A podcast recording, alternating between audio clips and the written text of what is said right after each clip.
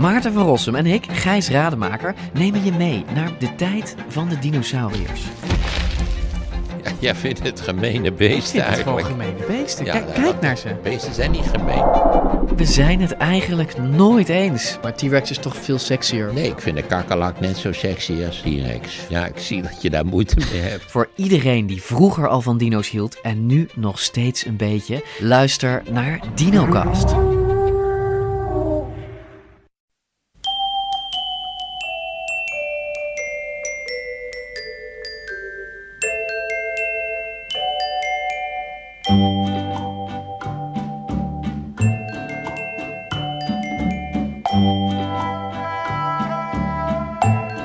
Welkom bij aflevering 307 van Echt Gebeurd, de podcast waarin mensen hun eigen waar gebeurde verhalen vertellen.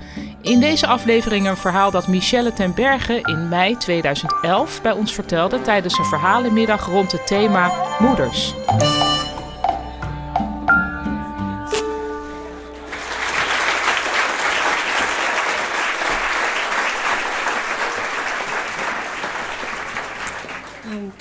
Was, toen werd mijn nichtje geboren. En dat was een beetje eind jaren 70, begin jaren 80.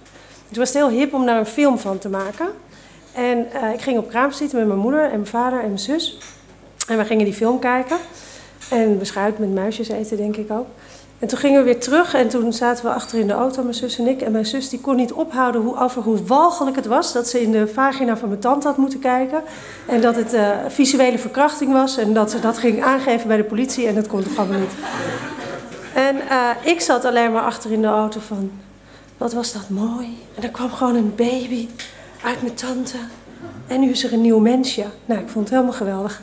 En toen ging ik veel logeren bij mijn oom en tante en de baby. En toen ging ik al die boeken lezen van mijn tante over bevallen en zwanger zijn. En toen dacht ik, ik word later vroedvrouw. Maar toen was ik, nou, was ik eigenlijk net iets te slim voor. Dus toen ging ik naar het gymnasium en dat was een beetje gek. Als je eh, naar het gymnasium gaat, dan moet je naar de universiteit. Dus ik braaf naar de universiteit. Maar dat werd niks. Dus toen ging ik studeren en toen stopte ik er weer mee. En toen ging ik weer studeren, iets anders studeren. Nou ja, en op een gegeven moment was ik helemaal mislukt. En toen zei ik eh, tegen mijn beste vriendin, die toen best wel geslaagd was, van eh, wat moet ik nou met mijn leven? Ja, zei ze, wat moet jij nou met je leven? Want jij bent helemaal mislukt. Ja, ik ben helemaal mislukt. En toen, eh, eh, toen zei ze van, eh, nou maar wat, wat wilde je vroeger dan worden? En zei kwam er zo'n heel klein stemmetje, wat ik al heel lang niet gehoord had. Zei ik, nou vroeger wou ik vroedvrouw worden. Ja, zei ze, ik wil best een gesprek met jou hebben over je toekomst en zo. En dat wij daar even over na gaan denken. Maar dan moet je niet van die belachelijke dingen zeggen. En toen zei ik, ja, maar dat is helemaal niet bela- belachelijk. Want eh vroedvrouw, dat is echt het mooiste beroep van de wereld. En toen heb ik een uur lang verteld waarom dat het mooiste beroep van de wereld was. En toen na afloop zei ze, ja, ik vind het nog steeds belachelijk. Maar ik heb jou wel nog nooit ergens zo enthousiast over gehoord. Dus ga dat dan maar doen. Dus dat ging ik doen. En eh, ik had eigenlijk alleen maar, voordat ik naar die opleiding ging, één boek gelezen over bevallen. En dat was van een of andere hippie voetvrouw uit Amerika. Dat heette Spirituele Verloskunde. En daar zag je allemaal vrouwen met heel lang haar en mannen met baarden en heel veel brillen. En die gingen alleen maar heel mooi bevallen. Kussend en eh, met orgasmes tussendoor. En die, en die hadden ook geen weeën, maar die hadden golven waar ze dan in meegingen. Dus eh, ik had er best wel hoge verwachtingen van. En eh, nou ja, toen ging ik die opleiding doen en dat was best wel moeilijk. Ook met allemaal scheikunde en, en biologie en dingen die je moet... Ik dacht dat ik gewoon een beetje moest leren lief zijn voor die... Van, kom op, je kan het. Maar je moest echt ook allemaal dingen weten over het menselijk lichaam... waar die baby's uitkomen. Ik dacht, nou, dat is toch niet zo ingewikkeld. Maar één gaatje, dan gaat het in en dan gaat het er weer uit. Maar nou, was nog best moeilijk en dan moet je stage lopen. En toen zag ik voor het eerst dat sommige vrouwen eh, het niet zo leuk vonden om te bevallen. En ehm, eh, toen zag ik gelukkig ook wel een heleboel vrouwen die het wel leuk vonden om te bevallen. En dat werd toen eigenlijk een beetje het thema van mijn vak. Van hoe kan het nou dat sommige vrouwen het zo waanzinnig geweldig vinden om een kind op de wereld te zetten. Terwijl anderen echt eh, eh, zeggen dat het traumatisch is en die moeten in therapie. Of die willen durven nooit meer een kind. Of hè, die, dat, soort vrouwen vroegen dan ook altijd aan mij van... eh, tussen de weeën door zo, heb jij kinderen? En dan, en, dan zei ik nee. En ehm, dat, was, dat werd op een gegeven moment wel een beetje lastig. Uh, maar goed, het duurde nogal lang voordat ik een keer een leuke meneer tegenkwam. En, uh, maar goed, ik wou natuurlijk wel, kinderen ook. Tenminste, de meeste vroedvrouwen die ik ken, die willen dat dan toch ook wel graag een keertje zelf meemaken. En toen was ik zwanger en dat ging gelukkig allemaal heel goed. Maar toen werd ik zo, naarmate de bevallingsdatum naderde, natuurlijk wel een beetje naast nieuwsgierig ook wel een beetje bang. Zo van, ik weet dat het heel erg mooi kan zijn. En ik weet dat het enorm dramatisch kan zijn. En ik ben er nog steeds niet helemaal achter, wel een beetje was ik er inmiddels achter, wat nou dat verschil maakt. Want ik ging altijd aan die vrouwen die het heel goed deden vragen wat ze dan gedaan hadden en hoe ze in elkaar zaten en hoe dat nou kwam. En, maar ja, dan, je weet dan eigenlijk vooral wat je niet moet doen, maar niet zozeer wat je wel moet doen. Om een beetje mazzel te, hè, uh, te laten hebben. En dan ging, ik ging ook op yoga, want ik wist wel van je moet je een beetje voorbereiden. Dus ik ging op yoga bij een hele lieve yogajuf en die legde je dan een of andere houding die dan pijn deed. En dan moest je dat volhouden en dan ging zij geruststellende dingen zeggen over van zo'n wee duurt altijd maar een minuut en dan heb je weer een pauze en, en dan ga je, je moet goed op je ademhaling en door de pijn heen ademen. Dat wist ik allemaal wel, want dat zei ik ook tegen die vrouwen, maar dat is heel wat anders dan als je het zelf met je benen wijd zo in een rare yoga-houding ligt. En, uh, maar op een dag ging ze ook een verhaal vertellen over een voetvrouw die dan ook afschuwelijk bevallen was. En toen zei ze zo, ja, want die verloskundigen die kunnen er zelf helemaal niks van. Dat is altijd zo.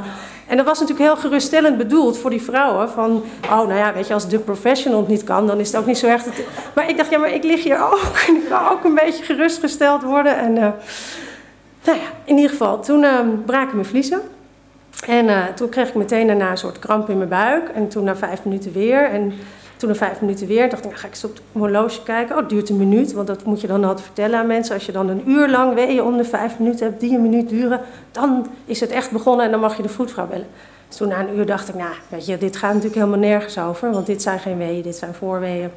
Dit is gewoon, uh, dit is hartstikke grappig. En uh, nou, toen heb ik een hele leuke dag gehad. Heb ik tosties gegeten en uh, nog even tekenfilms gekeken met mijn stiefdochter. En ik mijn vriend naar zijn werk gestuurd. En die kwam op een gegeven moment weer terug. Dat ik dacht, ja, doe dat nou niet, want het duurt nog wel drie dagen. Want dit zijn voorweeën. Ga nou maar werken. En nou, toen s'avonds dacht ik, mm, morgenochtend zijn mijn vliezen wel heel lang gebroken. En dat is dan zo'n regel, dan moet je naar het ziekenhuis. En dat wou ik echt niet, want die vrouwen die allemaal afschuwelijke bevallingen hadden... dat was meestal eigenlijk altijd in het ziekenhuis. Dus ik dacht, hmm, um, wat gaan we daaraan doen? Oh ja, dit tip. Wat zeggen we altijd tegen zwangere vrouwen? Je mag niet alcohol drinken. Behalve als je echt wil bevallen en het lukt nog niet helemaal, dan neem je een glaasje rode port. Dus toen nam ik een glaasje rode port, maar die was, fles was bijna leeg, dus dat was maar een bodempje. Dus toen dacht ik, nou dan mag ik ook nog wel een glaasje witte wijn. Um, maar die fles was ook bijna leeg. En die vond ik ook niet zo lekker. Dus dacht ik, nou dan doe ik nog chocomel met Grand Marnier. Want, want dat maakte mijn moeder vroeger altijd uh, voor zichzelf als ze niet zo uh, vrolijk was. Dus ik dacht, nou dat, dan denk ik ook aan mijn moeder. En dat helpt vast ook. En toen werd ik ook heel vrolijk. En um, toen dacht ik, ik ga gewoon slapen. Want ik had nog steeds wel weeën. Maar die waren niet meer zo vaak. En ik vond het echt geen weeën. Want het deed een beetje pijn. Maar ja, verder niks. En toen lag ik in bed en toen werd ik elk kwartier weer wakker. En toen vond ik het dan minder leuk. En dacht ik, ga ik naar beneden. Want uh, dan kan mijn vriend nog even doorslapen. En toen had ik het eigenlijk heel gezellig met mezelf. En uh, ja, toen dacht ik wel, volgens mij komen die weeën nu wel vaker. Maar volgens mij zijn dit nog steeds geen weeën. Want het doet niet echt heel erg pijn. Ik moet me er wel een beetje op concentreren. Maar nou ja, weet je. En ik dacht ook, dat gaat niet lukken bij mij. Want ik ben er gewoon een piepkonijn. Dus als ik een lange wandeling maak, dan wil ik altijd meteen weten waar het pannenkoekenrestaurant is. En als ik ga skiën, dan heb ik pijn in mijn voeten. En dan wil ik meteen naar de après-ski. En um, ja, ik kan gewoon niet zo goed tegen pijn. Dus ik denk, dan kan dit het niet zijn. Want ik heb hele stoere vrouwen gezien die gewoon zwijgend zich door die weeën heen ploegden. En toen, uh, nou, op een gegeven moment kwam mijn vriend naar beneden, want die was ook wakker geworden. Dus toen zei ik, nou, ga jij maar een beetje bijhouden hoe vaak dat allemaal is. En volgens mij moeten we straks dan mijn collega bellen, die zou helpen. Uh, want dan moet ik toch naar het ziekenhuis, want die vliezen zijn te lang gebroken. Nou, dus hij bellen en uh, toen kwamen ze binnen. En toen had ik net bedacht, laat ik vast wat van die houdingen oefenen. Want dat weet ik dan, hè, dat je moet verschillende houdingen doen. Want dat is heel goed, want dan beweegt je bekken en dan kan de baby er beter door.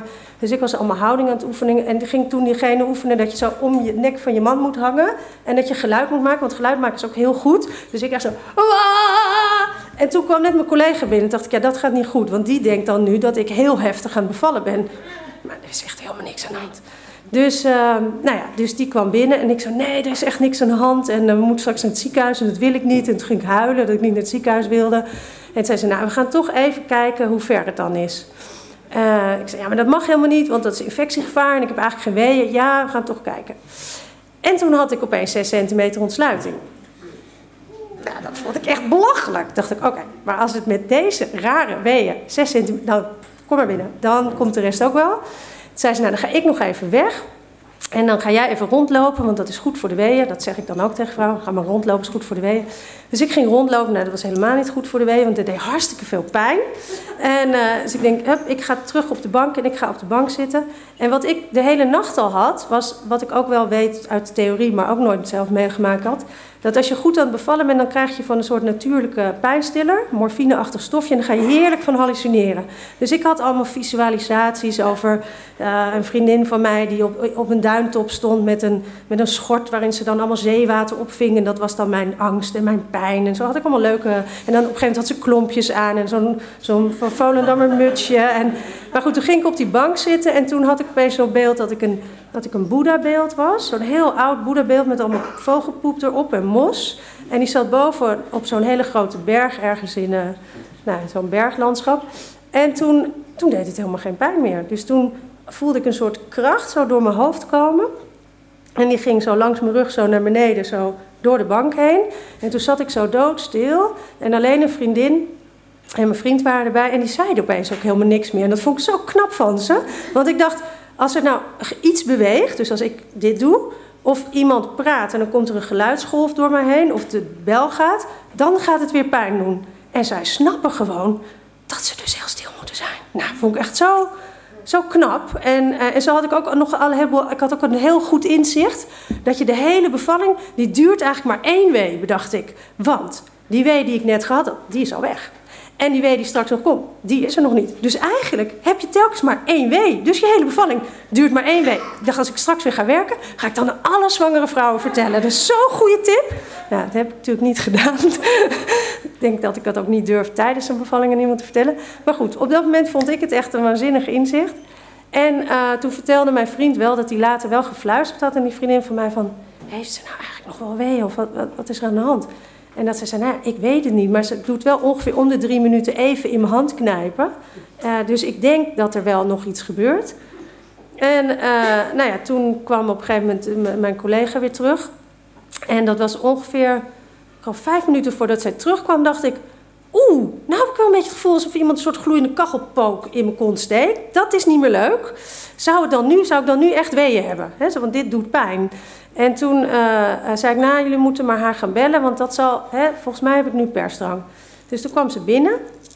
En uh, nou, toen mocht ik in bad, want dat had ik ook altijd gezien. Al die vrouwen die in bad bevielen, dat waren die vrouwen met die orgasmes en die allemaal helemaal leuk deden. Daar zijn ook hele leuke filmpjes van op internet. Als je bij YouTube doet waterbirth, dan zie je allemaal vrouwen helemaal, ah, helemaal fijn bevallen. Dus dat wou ik ook.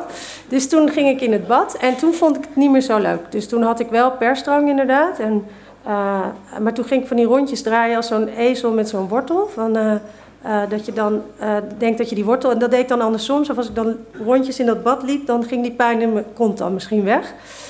Dus uiteindelijk dacht ik, nou dat waterbevallen, dat is het niet helemaal voor mij. Volgens mij moet ik maar gewoon op de baarkruk gaan zitten.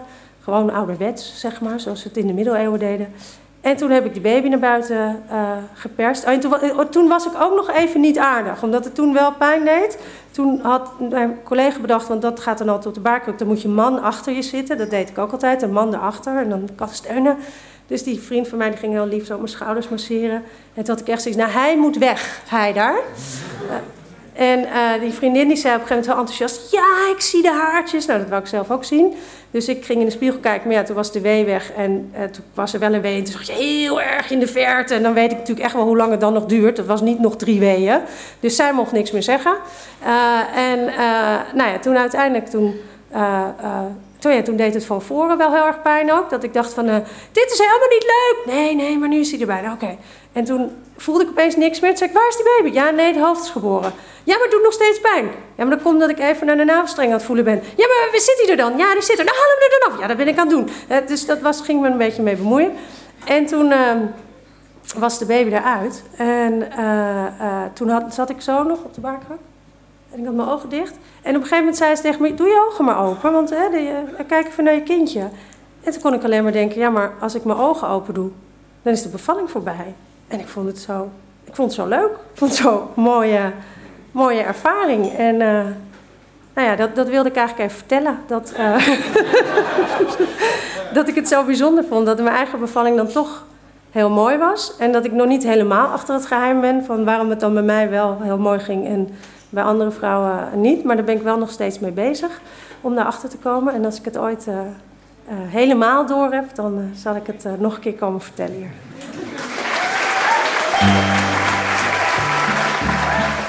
Dat was het verhaal van Michelle ten Berge. Michelle heeft nog een tweede kind gekregen en ze is ook nog altijd werkzaam als vroedvrouw en heeft een eigen praktijk in Almere Oosterwold. Ze vertelde tijdens een echt gebeurtmiddag in het teken van het thema moeders. Maar komend weekend staat natuurlijk in veel Nederlandse huishoudens in het teken van het thema vaders. Ben jij nou nog naastig op zoek naar een leuk vaderdag cadeau? Spoed je dan naar je favoriete boekwinkel en koop daar ons boek. Dat is echt gebeurd op papier. Het is een feestelijke uitgave voor alle vaders die van verhalen houden. Dit was aflevering 307. De redactie bestaat uit Miga Wertheim, Rosa van Toledo, Maarten Westerveen en mijzelf, Paulien Cornelissen. Productie doet Eva Zwaving, zaaltechniek deed Nicolas Vrijman en de podcast wordt gemaakt door Gijsbert van der Wal. Tot volgende week. En als je het allemaal ineens niet zo leuk meer vindt, Chocomel met Grand Marnier.